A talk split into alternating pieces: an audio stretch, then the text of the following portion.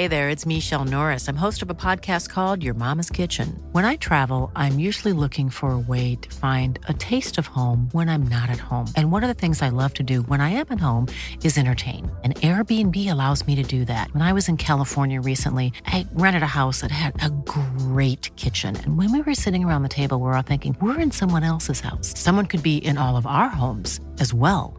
If you have a home, but you're not always at home, you have an Airbnb. Your home might be worth more than you think. Find out how much at airbnb.com/slash host. One size fits all seemed like a good idea for clothes. Nice dress. Uh, it's a it's a t-shirt. Until you tried it on. Same goes for your healthcare. That's why United Healthcare offers a variety of flexible, budget friendly coverage for medical, vision, dental, and more. So, whether you're between jobs, coming off a parent's plan, or even missed open enrollment, you can find the plan that fits you best. Find out more about United Healthcare coverage at uh1.com. That's uh1.com. Millions of people have lost weight with personalized plans from Noom, like Evan, who can't stand salads and still lost 50 pounds.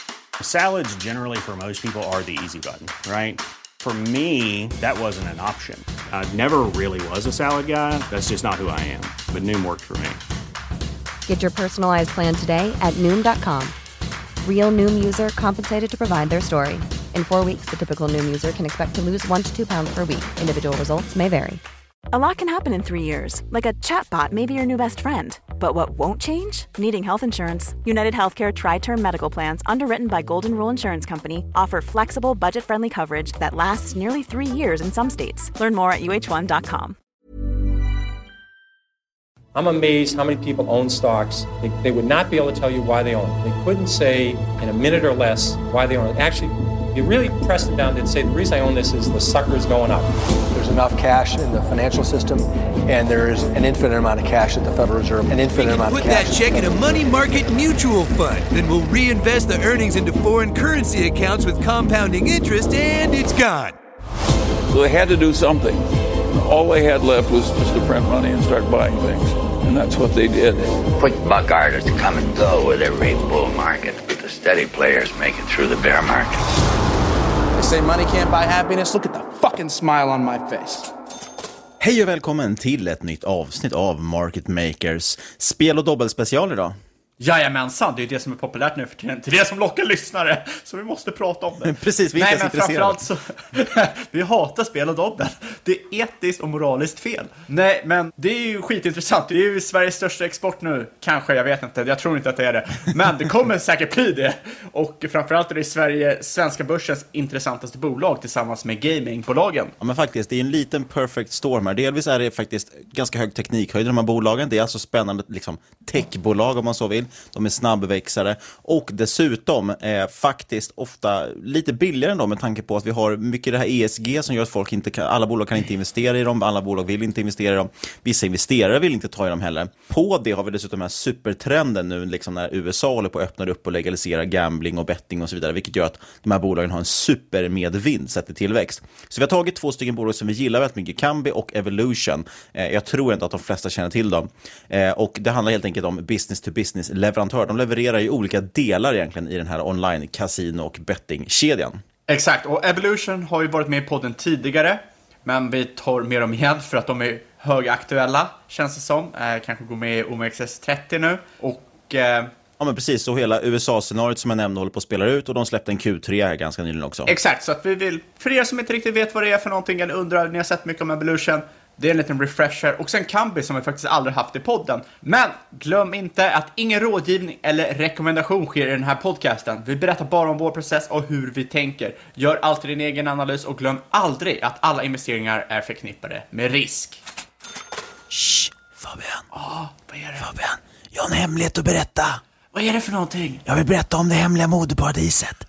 Där du kan få upp till 80% rabatt på 3000 kvalitetsvarumärken. Gå in på bestsecret.com slash marketmakers för att shoppa märken som Gant, J. Lindeberg, Oskar Jakobsson, Tommy Hilfiger och mycket mer till otroliga priser. Var, varför viskar du? Jag trodde det var det vi skulle göra.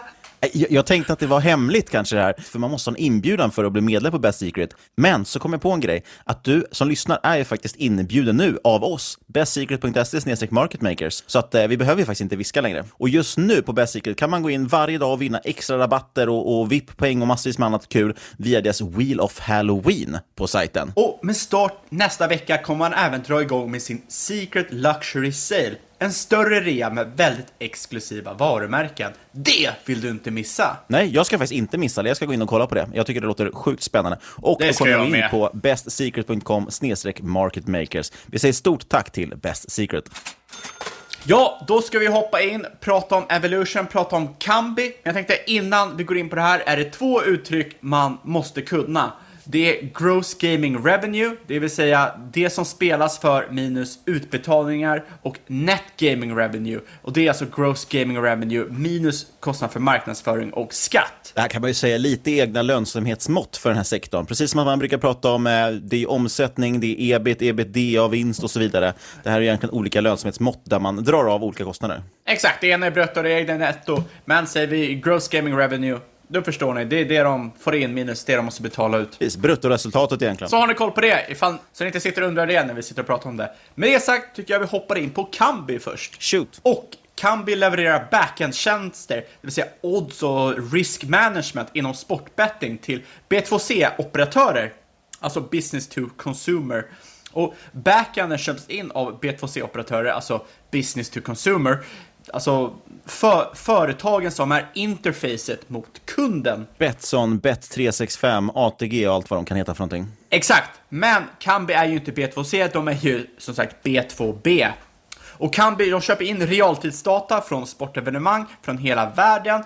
De analyserar den här datan med algos och traders för att sedan kunna förutsäga utfall och odds. Och det här optimeras löpande under tiden bets kan läggas. Och Kambi startade faktiskt som backend för Unibet som numera är Kindred. Men knoppades av 2014 när vdn och grundaren såg väldigt stor potential i den här typen av bolag och hur de skulle kunna börja snappa upp en massa kunder. Då kan man ställa sig frågan, hur tjänar då Kambi pengar? En majoritet av Kambis intäkter kommer från revenue share baserat på net gaming revenue från operatörerna, där Kambis take rate ligger på cirka 10-15% med ett snittkontrakt på 3-5 år. Då kan man ställa sig frågan, varför Kambi? Varför kan inte operatörerna bygga sina egna backends? Det låter rätt kostsamt, det låter rätt dyrt att ta in Kambi. Men då ska man också tänka att det är otroligt komplicerat och resurskrävande att bygga ut sin egna backend. Det tar enormt fokus från kärnverksamheten. Framförallt är det inte direkt lätt att bygga en egen risk management-plattform och skapa och träna algos för att förutsäga odds. Då är det ju bra mycket enklare att använda Kambis API för att sedan kunna utveckla sin kärnverksamhet istället. Nej, men men det, alltså det är ganska enkelt egentligen, för Kambi tillhandahåller i sportsboken som du säger. När du går in på, ja, vad det nu är för sajt, Betsson till exempel, och du vill kunna betta på någonting, då är det ju helt enkelt Kambi antagligen som levererar själva sportsboken, de odds som finns tillgängliga. Eh, och det är jätteviktigt att de här oddsen är korrekta, delvis för att det finns väldigt mycket professionella betters där ute egentligen som försöker på olika sätt överlista de här oddsen eller hitta bra odds att utnyttja. Eh, men också är det ju så, man, det ser man till och med i operatörernas resultat ofta, att har det varit lite speciella liksom, matcher eller utfall i olika kända matcher och så, eh, så kan de ha fått jättestora vinster i operatörerna bara på grund av det, för att folk då har det har gått emot oddsen helt enkelt. Så, så oddsen är superviktiga. Alltså det, det är enorma pengar som ligger inlagt i det här egentligen. Har man fel odds så kan det kosta extremt mycket. Så att, att ge bort några procent till Kambi kan vara ganska billigt. Plus som du säger att man behöver då inte bygga allt det här själv. Det är ändå en ganska stor apparat om man vill ha mycket saker att betta på. Exakt, och bra odds, det ger ju en extremt liksom, bra användarupplevelse för slutkunden. Men att lägga fram bra odds ökar ju såklart risken för att bolaget kan gå med förlust. Uh, här är Algosen extremt bra på att samtidigt som de sätter attraktiva odds för spelare som lockar in fler spelare, de tycker att kan bli en bra plattform, även kan hitta vart bolaget kan vara utsatta och justera kurser för att de ska täcka sig för att inte oddsen ska stå för mycket på spelarens sida versus Kambis sida. Och risk management görs även i samarbete med specialiserade traders. Det här tycker jag är sjukt intressant. Och det är alltså traders som är specialiserade för varje sport som är inne där och hjälper till att riskjustera de här oddsen. Det är faktiskt intressant värld, eh, bettingvärlden, om man tittar lite på ganska nära finanstwitter, liksom, känns det som geografiskt, eh, så finns ju också liksom, betting-twitter. Det finns väldigt många som faktiskt, precis som daytraders, som lever på betting, som är väldigt duktiga på att just identifiera felaktiga odds. Det är ju i stort sett en daytrading-firma nästan, om man säger så. Men med det här sagt, det finns ju då väldigt höga inträdesbarriärer eftersom det krävs otroligt sofistikerade algos eh, som kan leverera bra odds till låg risk. Det otroligt hög R&D för att ta sig hit och som med alla andra algos blir de desto bättre desto längre tid de snurrar. Och dessutom så har Kambi en fördel genom att de är så pass stora att de kan nå fler sporter, de kan sätta fler odds, de kan nå liksom mindre nischer och där kommer vi bara fortsätta öka över tid. Och det här gör ju att de är extremt attraktiva för kunder eftersom det ger ett så brett utbud för slutkunden. Och bara det här är extremt svårt att komma ikapp som konkurrent. Dessutom får ju Kambi väldigt fin leverage desto större de blir eftersom mycket av deras kostnader är fasta och de har rätt låga marginalkostnader. Det vill säga att det kostar inte så mycket att dra till sig en ny kund. De har ju framförallt fördelen som jag också kommer komma in på med Evolution, är att de behöver inte ta någon form av marknadsföring och, och den typen av risker. Utan det är operatörerna som får ta hela kosten för att dra in kunder. Operatörerna får slåss mot varandra i ett priskrig och bonuskrig och så vidare. Medan Kambi och Evolution för en del, de levererar ju bara liksom lösningen oavsett operatören i princip. Exakt, det finns väl alltid en risk att om en operatör blir tillräckligt stor att de kommer lämna Kambi. Har ju till exempel DraftKings som köpte upp SB Tech, men det är ju inte riskfritt för, för en operatör att lämna sin backend för att byta backend helt. Det är snarare tvärtom, det är extremt hög risk. Det, du riskerar att förlora jättestor del av din kundbas att göra det, så det måste verkligen vara extremt stor fördel för att du ska ens överväga att byta backend. Med det sagt, man ska ha det i åtanke. Sen också en väldigt intressant punkt är att Kambi satsar fysiska spelapparater också, vilket öppnar upp lite för Kambi som en omnikanal det tycker jag är extremt intressant. Jag har för mig att jag läste också att Penn International tyckte att det var eh, superintressant också med David Daytrader i eh, täten. Ska gå in lite mer på honom sen. Vilka marknader är de verksamma på då? Är det bara Sverige? För det är alltid med de här bolagen att folk blir, säljer ner dem när det, när det skulle regleras i Sverige till exempel. Så körde man ju även ner både Evo och Kambi och alla leverantörer trots att de inte ens knappt finns i, i Sverige. Eller de finns i Sverige men de är inte, det är inte deras största intäkter. Ja, det är nackdelen. De verkar ju bara i Stockholm. Eh, och på Gotland. Så Mm. att, eh, nej, skämt åsido. Åre också på vintersäsongen. Kambis största marknad, det är ju Europa, som ligger strax över 60% av intäkter, och eh, Amerika, som är lite under 40%. Och då är det viktigt att hålla koll på Europa är en rätt mogen marknad, men väldigt fragmenterad marknad. Du har inga riktiga ledare. Och det är väldigt mycket regleringar, väldigt många olika regleringar. Eh, Europeiska online bettingmarknaden har en gross gaming revenue på cirka 200 miljarder svenska kronor och växer cirka 6% om året. Som sagt, rätt mognad. Nordamerika däremot håller precis på att vakna upp. Det här är liksom jätten som legat och sovit. Eh, Den marknaden har idag cirka 10 miljarder kronor i eh, GGR. Det finns alltså väldigt mycket uppsida här att växa till sig. Skulle Nordamerika bli lika stort som Europa, ja då finns det ju 20 gånger uppsida. Eh, det här är kanske lite, lite håsigt i närtid, men kollar man på till exempel banker som Morgan Stanley så siktar de i alla fall på en tredjedel av det här, alltså 60 miljarder SEK i GGR till 2025. Det är bara fem år bort. Men när man kollar på USA så ska man vara medveten att det här är ett jävligt krångligt land, som många säkert har sett nu i nyheterna. Och framförallt är det krångligt för att de har ju flera olika jäkla regleringar beroende på vilken delstat det handlar om. Eh, I vissa delstater kan fysiska kasinon eh, ansöka om en bettinglicens som kallas Open Access Structure. Och det är ju typ Pennsylvania och New Jersey, det är de liksom, delstaterna som alla ravar om. Eh, och sen har du ju också limited license-struktur, vilket innebär att bara ett fåtal kasinon kan driva en sportsbook. Och då har man till exempel Delaware. Och sist men inte minst så är det i stort sett ett jäkla lotteristruktur där eh, delstaten liksom driver en biddingprocess för att hitta en operatör för att driva sportsbettingen åt dem. Som de gör i New Hampshire. Så att det är väldigt olika regleringar beroende på vilken delstat man är i. Eh, sen finns det också till exempel Sydamerika, inte superstort nu, men du ser en del tillväxt i länder som till exempel Colombia. Snart kommer man även se att Brasilien öppnar upp sig väl 2021 beroende på hur det här med corona eh, liksom slutar nu.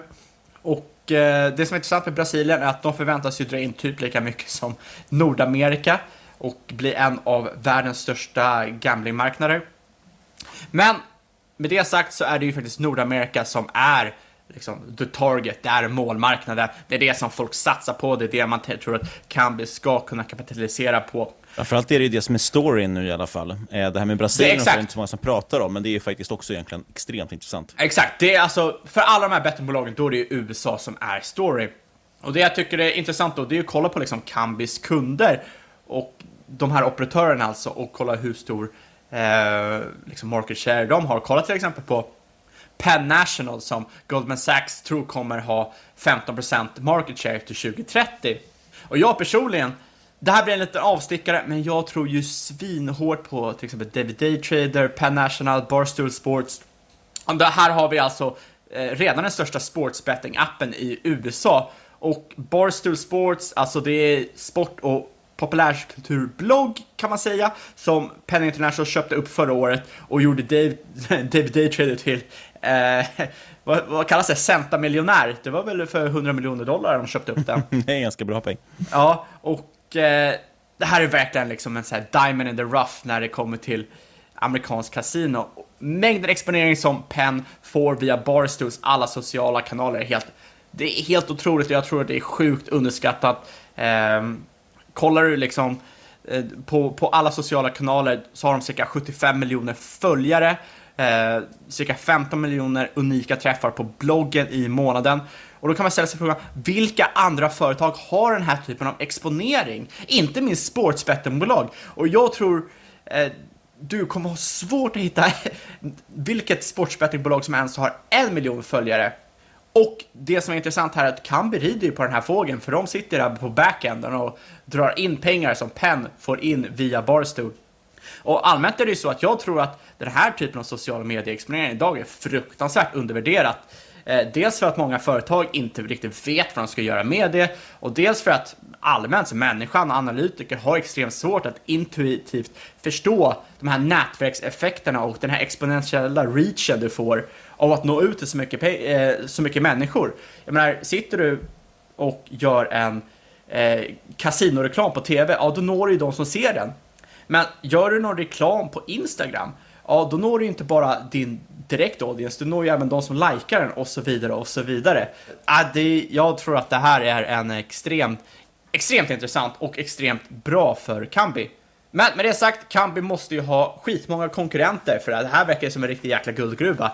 Men det är fel, för Kambi har inga riktiga konkurrenter, i alla fall inga bra. De har eh, SB Tech och eh, erbjuder ju typ det Kambi gör i stort sett, men de räknar inte egna odds. De sitter och skrapar det här online från andra eh, sportsbooks och de gör alltså inte sin egen oddsberäkning, så att det är ju skitdåligt att göra risk management bedömningar på det här, för att egentligen kan du inte få fram någon riktig sannolikhet, utan du får bara någon typ av marknadsviktning. Dessutom köptes de här upp av DraftKings, nu känns det, jag läste senaste rad, det känns som att de börjar svepa det här varumärket under mattan. Eh, lite oklart vad som händer med SPTech. Men oavsett vad som händer där, så att när du har en operatör som köper upp en backend-klient, då dras ju andra operatörer från att köpa in den här tjänsten för att betalar de för den här äh, backenden, ja men då helt plötsligt börjar de ju subventionera sina konkurrenters tillväxt. Så att äh, det där är ju svinbra för Kambi tycker jag att det köptes upp. Sen har du ju typ IGT, Scientific Games och de bandlar i sportsbooks, slots, casinos och så vidare. Eh, mycket billigare än Kambi, men också mycket sämre än Kambi.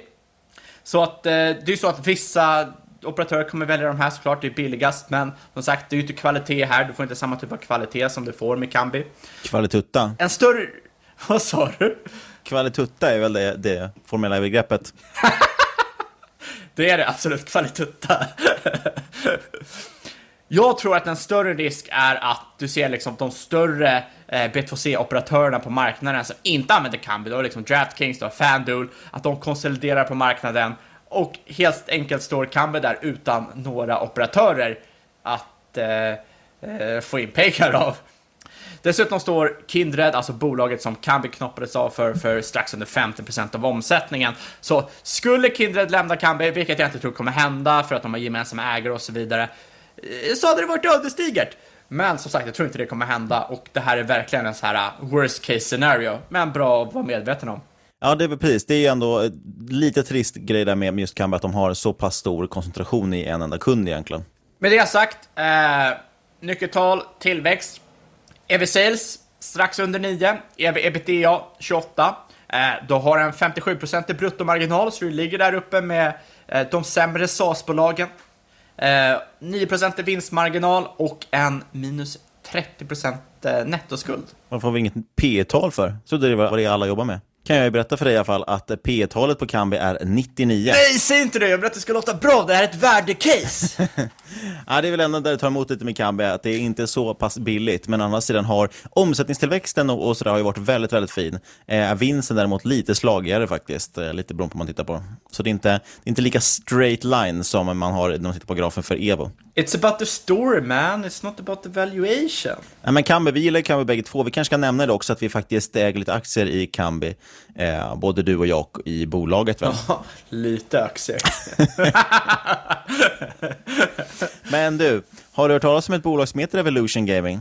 Aldrig. Va, vad eller bara Evolution som de numera heter. Är det, sån så här, är det något jäkla Pokémon-företag eller? Nej, evolution däremot är väl det Pokémon görs mellan de olika stegen när Charmander blir Charizard till exempel. Uh, Charmander men... blir Charmeleon. Fan ta dig. Alltså, jag tänkte så här, nu sätter, jag, nu sätter jag det här så att inte folk blir arga. Alla våra Pokémon-fans som lyssnar där ute. Nej, det var pinsamt. Jag vet att han, det är en eld-Pokémon i alla fall. Jag spelar ju bara med Snorlax. Men eh, i alla fall, Evolution, ett, onekligen ett väldigt känt bolag. Ett av de mer omtalade skulle jag också säga kanske på finanstwitter. Eh, ibland kallas det också lite hån för, för en sekt. Man, man skämtar om det här bolaget ibland, eh, just för att man tycker att ja, det känns som att alla på Twitter äger aktier. Vi ska återkomma lite till det med antal ägare och lite sådana saker, men vi kan börja med att prata först lite om vad de gör för någonting. Jo, men det är väldigt intressant med, med Evo för att det finns ju någon väldigt het avsnitt av en gamblingpodd när de bjöd in den här Chief Product Officer och han, då frågade han bara vad är Evolution? Vi har aldrig hört talas om det. Och eh, han, han satte det så fint, han sa ju Evolution is the biggest company in gaming you've never heard of. Och det tycker jag passar extremt bra. Ja, men faktiskt. Det är en av de mest omsatta eh, aktierna på Stockholmsbörsen, en av de större också. Det är ett megabolag som omsätter sjukt mycket pengar också. Eh, inom den här sektorn är de ju verkligen en gigant, men som du säger så är det många som inte känner till dem, för det, de skyltar inte så mycket med sitt namn.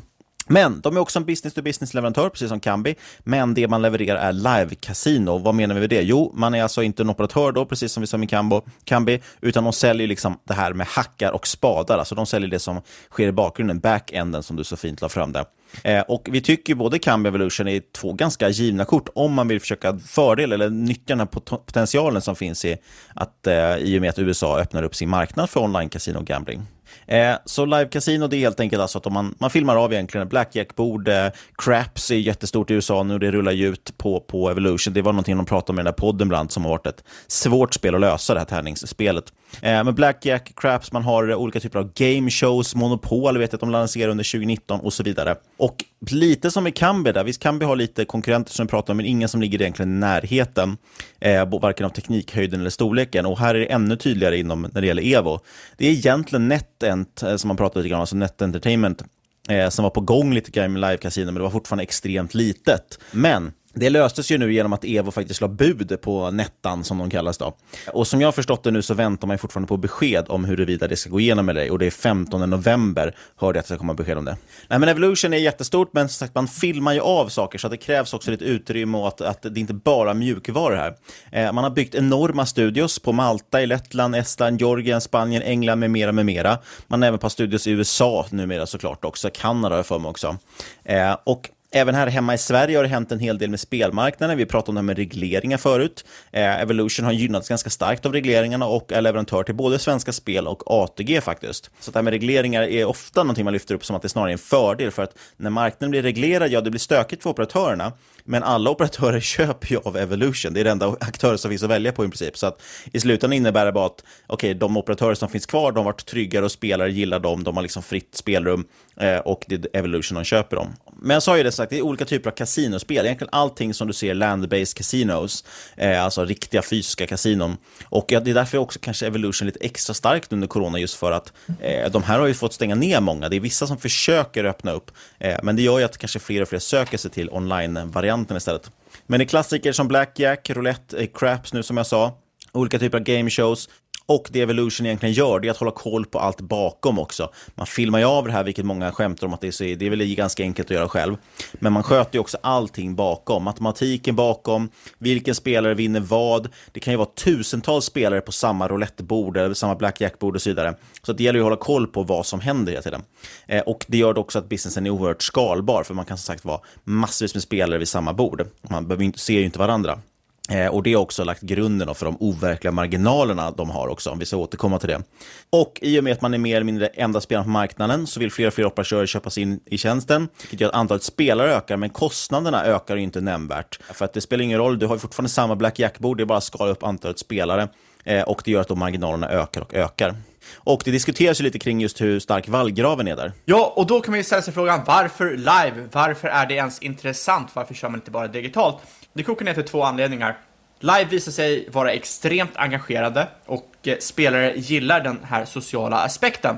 Men sen en ännu viktigare sak enligt mig som jag tycker är extremt intressant som jag tycker läggs alldeles för lite fokus på. Många som nämner det, absolut, men jag tycker att folk skummar förbi det och det är den högre tilliten som live ger. Och he he helt enkelt har det att göra med att ett problem som online-casino har är att folk är väldigt skeptiska över Eh, utfallen som händer i, eh, i eh, kasinot i högre grad än i fysiska kasinon. Alltså, förlorar du på kasino online så är det större risk att du tänker fan det här är en jävla scam än om det händer på ett riktigt kasino. Och det här gör att Evolution måste ta till extremt många knep för att undvika att spelare ska tycka att de är en scam. Saker som inte hade liksom alls gått an på fysiska kasinon. Till exempel finns det inga automatskyfflare på Evolution, förutom i poker, eh, trots att det är... Skyfflare, menar du blandare? Heter det blandare? Autoshufflers. ja, men det kanske heter blandare. Jag vet ja, inte. Automatisk kortblandare, så alla fattar vad vi menar i alla fall. Ja, uh, autoshuffle. Som ni hör har jag översatt det här direkt från engelska.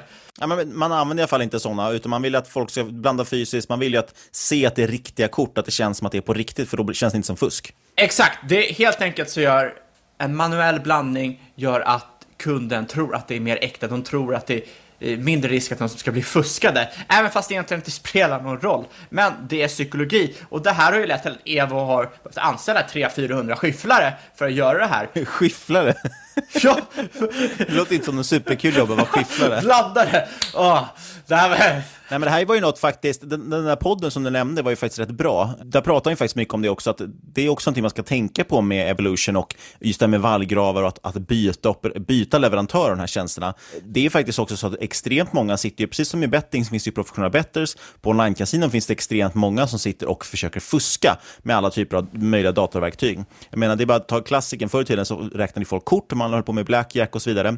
Eh, idag kan du göra sådana saker med en dator som då läser av det som syns på skärmen. Så de kämpar ju hela tiden mot fuskare som dessutom kan ha tekniska verktyg som är, är starkare och bättre än vad någonting, no, någonting som någonsin funnits på liksom riktiga kasinon. Det är en väldigt hög teknikhöjd det här för att kunna liksom stå emot de här krafterna så att säga. Exakt, det är bara att tänka sig, ja, ska du fuska på ett fysiskt kasino vad kan jag ens med dig? Det är så att du kan smälla upp en jävla dator på roulettebordet. Ja, du kan väl ha något fasttejpat eller sitta med någon jäkla hörlur eller någonting. Ja, och, men, och men... sånt har ju funnits mycket. Folk har haft grejer på kroppen och de har då stampat med foten för att räkna korten och massa sådana saker. Exakt, men du är alltid begränsat av mänsklig interaktion. Du måste ju själv göra någonting.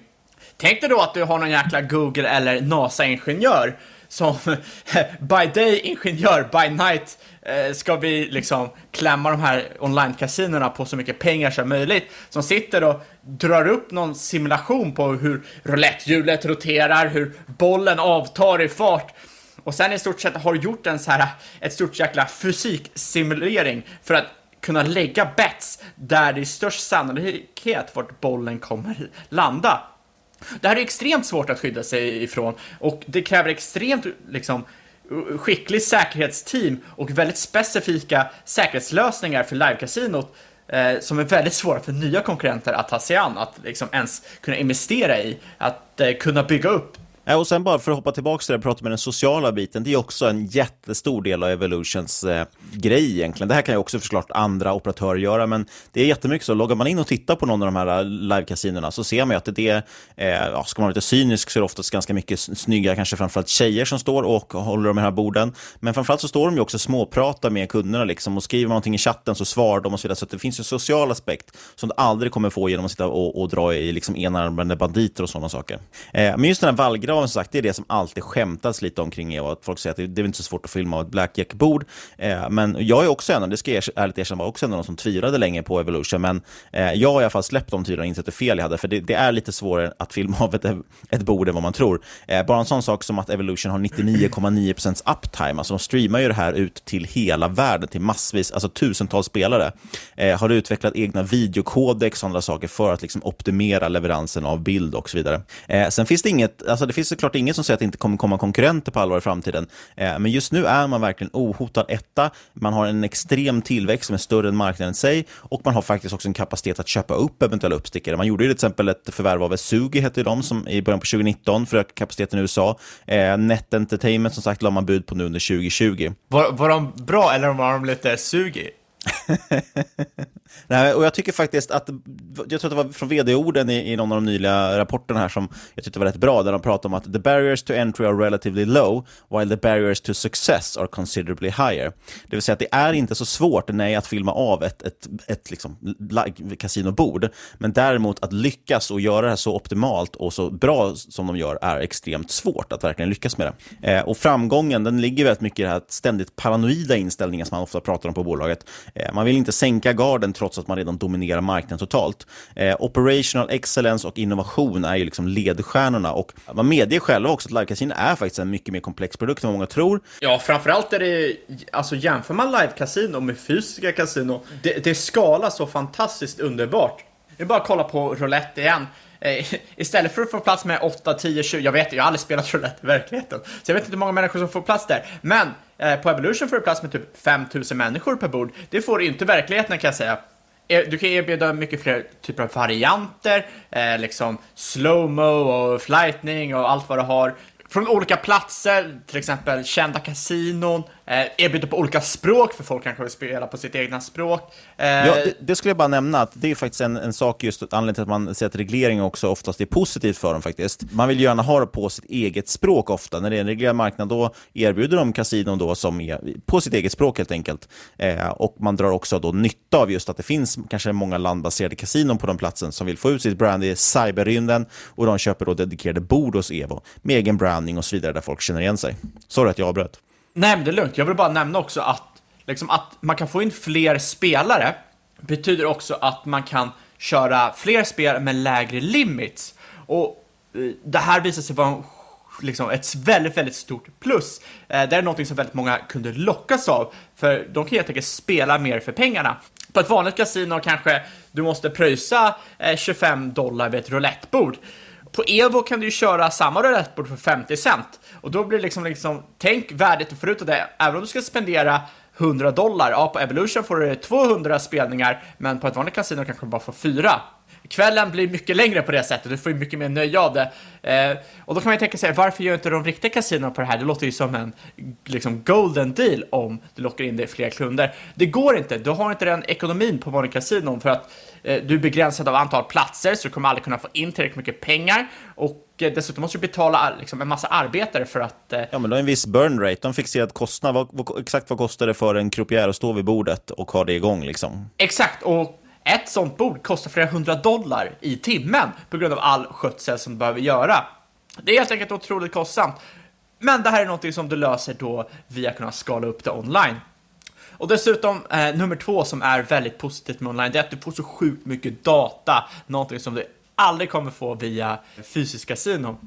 Du kan ju se allt ifrån hur bra en spelare är, eller hur bra en genomsnittsspelare är, du kan se hur dåliga de är, vad de gör för misstag. Någonting jag lyssnade på den här podden med den här CPOn på Evo var ju till exempel att Blackjack-spelare är alldeles, alldeles för försiktiga och de borde köra mer aggressivt för då hade de vunnit oftare.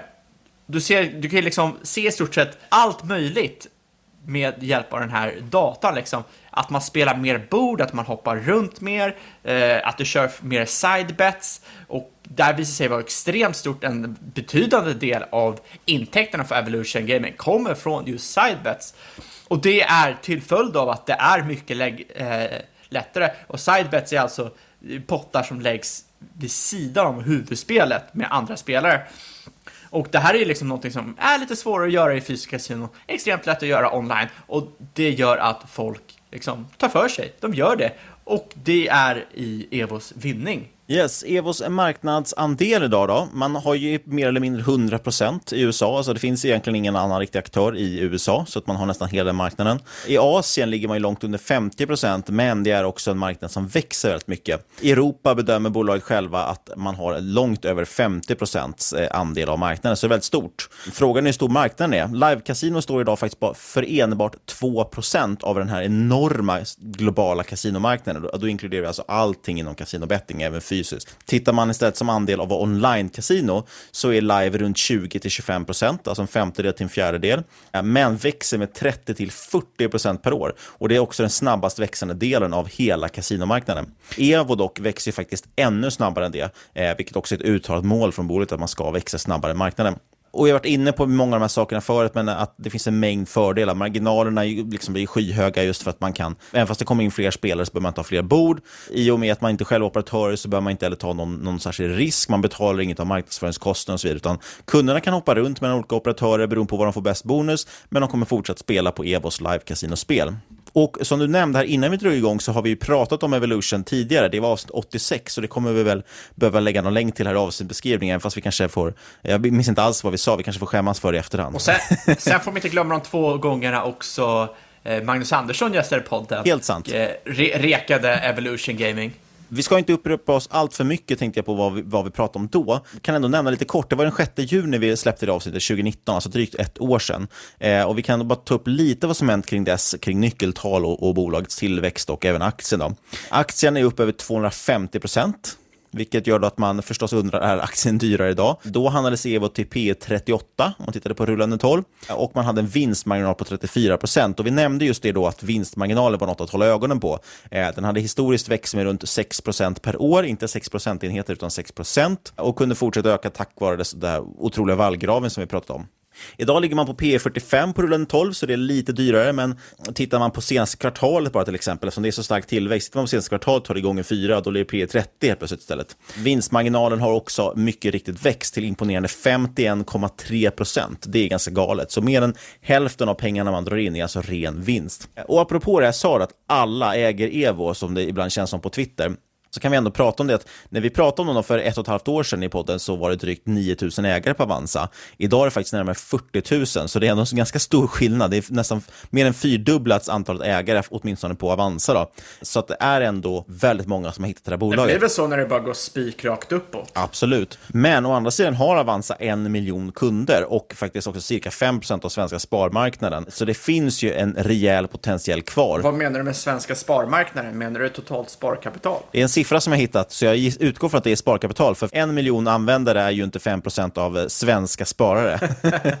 det är då betydligt högre andel än så. Så det handlar helt enkelt om, om sparkapital med största sannolikhet. Ja, men, och så nämner vi det här med anledningen varför vi tar upp dem igen. Jo, men visst, det är eh, delvis ett ständigt aktuellt bolag för oss i och med att vi båda äger ganska mycket aktier i bolaget. Man släppte också nyligen sin Q3. Intresse från amerikanska investerare håller på att öka markant eh, och deras position i USA som vi pratade mycket om i förra avsnittet är någonting som egentligen börjar märkas av de senaste siffrorna. Och sist men inte minst tycker jag också kul att de håller på att komma in OMXS30, alltså bli en del av liksom Stockholmsbörsen som man pratar om. De är ju på Stockholmsbörsen, men det är ofta det man brukar prata om som indexet för att mäta Stockholmsbörsen.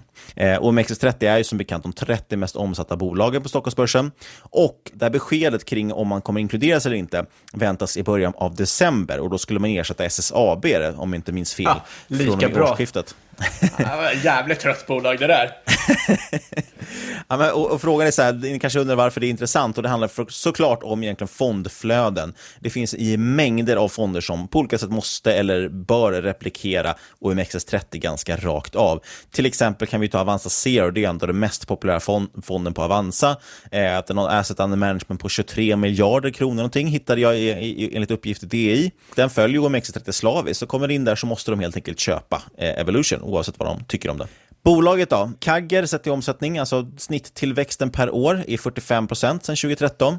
I princip alla nyckeltal förbättras ju varje kvartal sedan IPOn 2015 och sedan den IPOn så är aktien upp över 3500 procent. Så det är en otrolig resa och trots det som sagt så är inte bolaget så himla mycket dyrare idag sett till multiplar. Det ligger ungefär på, på samma tiden men växer så otroligt fort. Och man delar faktiskt också ut 50% av vinsten kan man nämna. Det blir ju nästan ingenting, det blir en halv procent i direktavkastning. Men med tanke på 40% vinsttillväxt per år eller något i den stilen så, så kanske även det kommer att vara betydande när man sitter där om 20-30 år med sina aktier. Ja, då går du i pension va? Gamling. jag vill minnas också att man startade ett återköpsprogram här också under Q1 2020. Eh, men jag kan minnas det lite fel. Men man har börjat köpa tillbaka aktier, rätt säker på.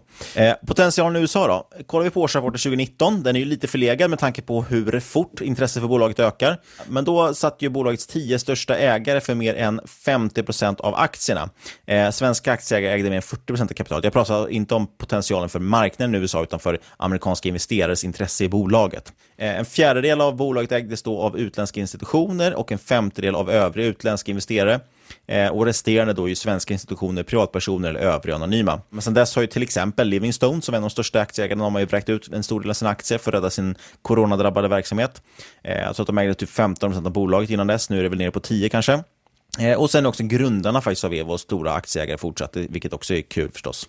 Och sen slutligen kanske vi bara ska nämna någonting om Q3. Covid-19 påverkar förstås. Man är inte tillbaka på full kapacitet än, det vill säga många av sina studier var man tvungen att stänga ner, vissa drar ner kapaciteten i och så vidare. Men intäkterna ökade med närmare 50 procent. Ebitda ökade med över 80 procent och vinst per aktie mer än dubblades. Eh, det är ganska imponerande och det har väl mycket att göra med att delvis, precis som alla bolag nu pratar om att de har så bra kostnadskontroll, det är ju bullshit egentligen, de har inte bra kostnadskontroll. De har ju fått permittera folk, de har fått statliga stöd och sänkta arbetsgivaravgifter och så vidare eh, och tvingats till att ha folk som är hemma och så vidare, vilket gör att det blir billigare helt enkelt att driva bolaget. Eh, det är samma sak för Evolution förstås, att om, om de inte har kunnat haft lika många som står där vid de blackjack-borden eh, så kommer de helt enkelt ha lägre kostnader på det så kan du också addera att det är jättemånga spelare, jättemånga anställda som sitter, eller människor som sitter hemma, permitterade och så vidare, som väljer att spendera sin tid på online casino. Så att intresset ökar samtidigt som deras eh, utbud minskar och, och, det gör helt enkelt att de får eh, en explosionsartad eh, tillväxt till vinst. Eh, men det går också jättebra för bolaget överlag. Liksom, avtalen i USA haglar in, man dominerar marknaden totalt som sagt. Totalt var tillväxten i USA över 50 procent. Asien var upp 150 procent och asiatiska marknaden är också jätteintressant. Det har vi inte varit inne på någonting riktigt idag, eh, men det är världens största marknad. Tyvärr är den också rätt fragmenterad och svår, men jag, tycker ändå mycket talar för att EBO ska kunna ta en bra position där. Kanske inte lika stark som på övriga marknaden, men fortfarande en bra position. Och även om man som sagt inte blir störst kan man ju växa enormt i den delen av världen. Asien är redan nu näst största regionen sett till andel av EVOs intäkter. Eh, så det är ju ändå ganska betydande att den delen växer med 150 procent.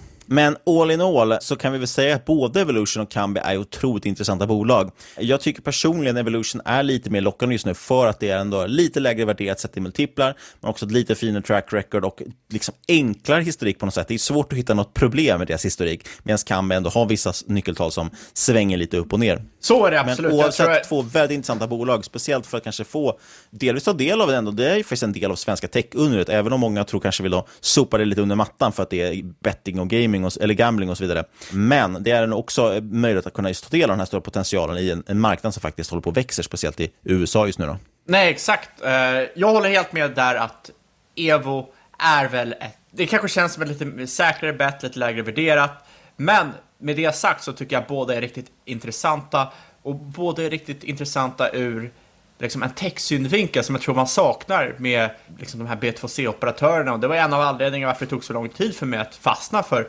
betting. För det enda jag såg var de här operatörerna. Det var, jag, liksom, det, de här front-facing killarna, det var inte så intressant egentligen. Att, eh, för mig var det inte det i alla fall. Så när man hittar till exempel Kamba, när man hittar Evolution och förstår vilket teknikförsprång de har och vad de lastar in för att, i sin R&D för att kunna Eh, ligga längst fram. Det skiljer inte så mycket från att investera i dem och olika typer av mjukvarujättar. Eh, ytterst intressant tycker jag. Verkligen, och eh, det kan kännas lite tjatigt att vi pratar om de här bolagen med tanke som sagt på att de är så pass eh, ändå välkända i lilla bubblan på finanstwitter, men de är inte alltför kända bland gemene man och det fort, finns en anledning också till att de är så populära på finanstwitter. Och som vanligt, vi har nämnt under avsnittet här, men kan ändå nämna vad vi äger aktier i. Och i det här fallet har vi intresse i bägge bolagen där vi faktiskt äger aktier. Och riktigt fullsmetade! Evo till tusen kronor som man brukar säga. Men oavsett vad vi säger så ska ni komma ihåg att inget i den här podcasten ska ses som rådgivning. Alla åsikter i våra egna elva gäst och eventuella sponsorer tar inget ansvar för det som sägs i podden. Eh, tänk på att alla investeringar är förknippade med risk. Även Kambi, även Evolution och risk sker under eget ansvar. Och investeringar också. Sen vill vi förstås påminna om vårt samarbete med Nordic Gold Trade som vi tagit upp här tidigare. Om du vill investera i fysisk guld, då finns det ingen annan partner att titta efter förutom nordicgoldtrade.com. Det är helt enkelt de bästa på marknaden, kanske också de enda på marknaden. Där kan du göra engångsköp av större mängder guld, men du kan också månadsspara andels guld för den som vill då spara en mindre summa varje månad. Det är helt svenskt, erbjuder hemleverans samt försäkrad förvaring i Sverige och den här förvaringen får man 50% rabatt på under första året om man använder koden MM2020. MM står alltså för Market Maker, så detta kommer ihåg. MM2020 på nordicgoldtrade.com. Dessutom så får vi en viss kickback på det här, så det är jättekul om ni går in och eh, använder den koden när ni ska investera i fysisk guld, för då stöttar ni faktiskt också podden. Exakt. MM2020 alltså, nordicgoldtrade.com Länk finns i avsnittsbeskrivningen. Med det sagt så vill vi även tacka Best Secret, veckans sponsor. Glöm inte Luxury Week, in på Best Secret, bli medlem om ni inte redan är det. Det är det hemliga modeparadiset. Det är där jag köper alla mina kläder nu för tiden. Och där finns också en länk i avsnittsbeskrivningen. Sist men inte minst så vill vi säga att ni kan kontakta oss på podcastet marketmakers.se eller på Twitter at marketmakerspod. Och vi försöker svara på allting som kommer in, även om ni skickar, kan även skicka till våra privata, de ska säga Twitter också, som ni hittar där. Glöm inte att lämna en recension på iTunes. Och sist men absolut inte minst, vad vill vi säga då Niklas? Stort tack för att du har lyssnat, kära spelare. Eller jag menar lyssnare. vi hörs igen om en vecka.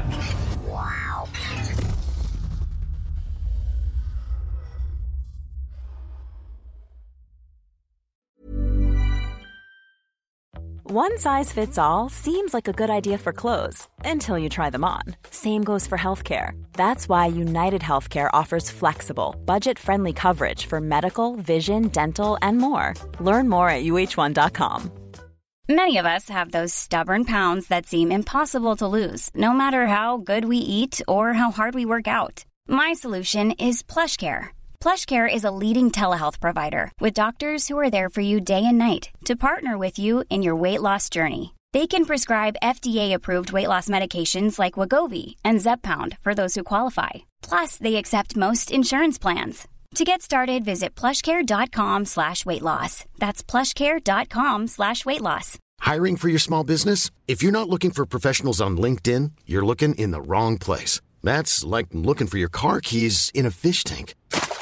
LinkedIn helps you hire professionals you can't find anywhere else, even those who aren't actively searching for a new job but might be open to the perfect role. In a given month, over 70% of LinkedIn users don't even visit other leading job sites. So start looking in the right place. With LinkedIn, you can hire professionals like a professional. Post your free job on linkedin.com slash people today. Quality sleep is essential. That's why the Sleep Number smart bed is designed for your ever-evolving sleep needs. Need a bed that's firmer or softer on either side? Helps you sleep at a comfortable temperature? Sleep Number smart beds let you individualize your comfort so you sleep better together. JD Power ranks Sleep Number number 1 in customer satisfaction with mattresses purchased in-store. And now, save 50% on the Sleep Number limited edition smart bed for a limited time. For JD Power 2023 award information, visit jdpower.com/awards. Only at a Sleep Number store or sleepnumber.com. Wow. Nice. Yeah. What you're hearing are the sounds of people everywhere putting on Bombas socks, underwear, and t-shirts made from absurdly soft materials that feel like plush clouds. Yeah, that plush. And the best part? For every item you purchase, Bombas donates another to someone facing homelessness. Bombas. Big comfort for everyone. Go to bombas.com slash ACAST and use code ACAST for 20% off your first purchase. That's bombas.com slash ACAST. Code ACAST. Even when we're on a budget, we still deserve nice things. Quince is a place to scoop up stunning high-end goods for 50 to 80% less than similar brands. They have buttery soft cashmere sweaters starting at $50, luxurious Italian leather bags, and so much more. Plus, Quince only works with factories that use safe, ethical, and responsible manufacturing. Get the high-end goods you'll love without the high price tag with Quince. Go to quince.com/style for free shipping and 365 day returns.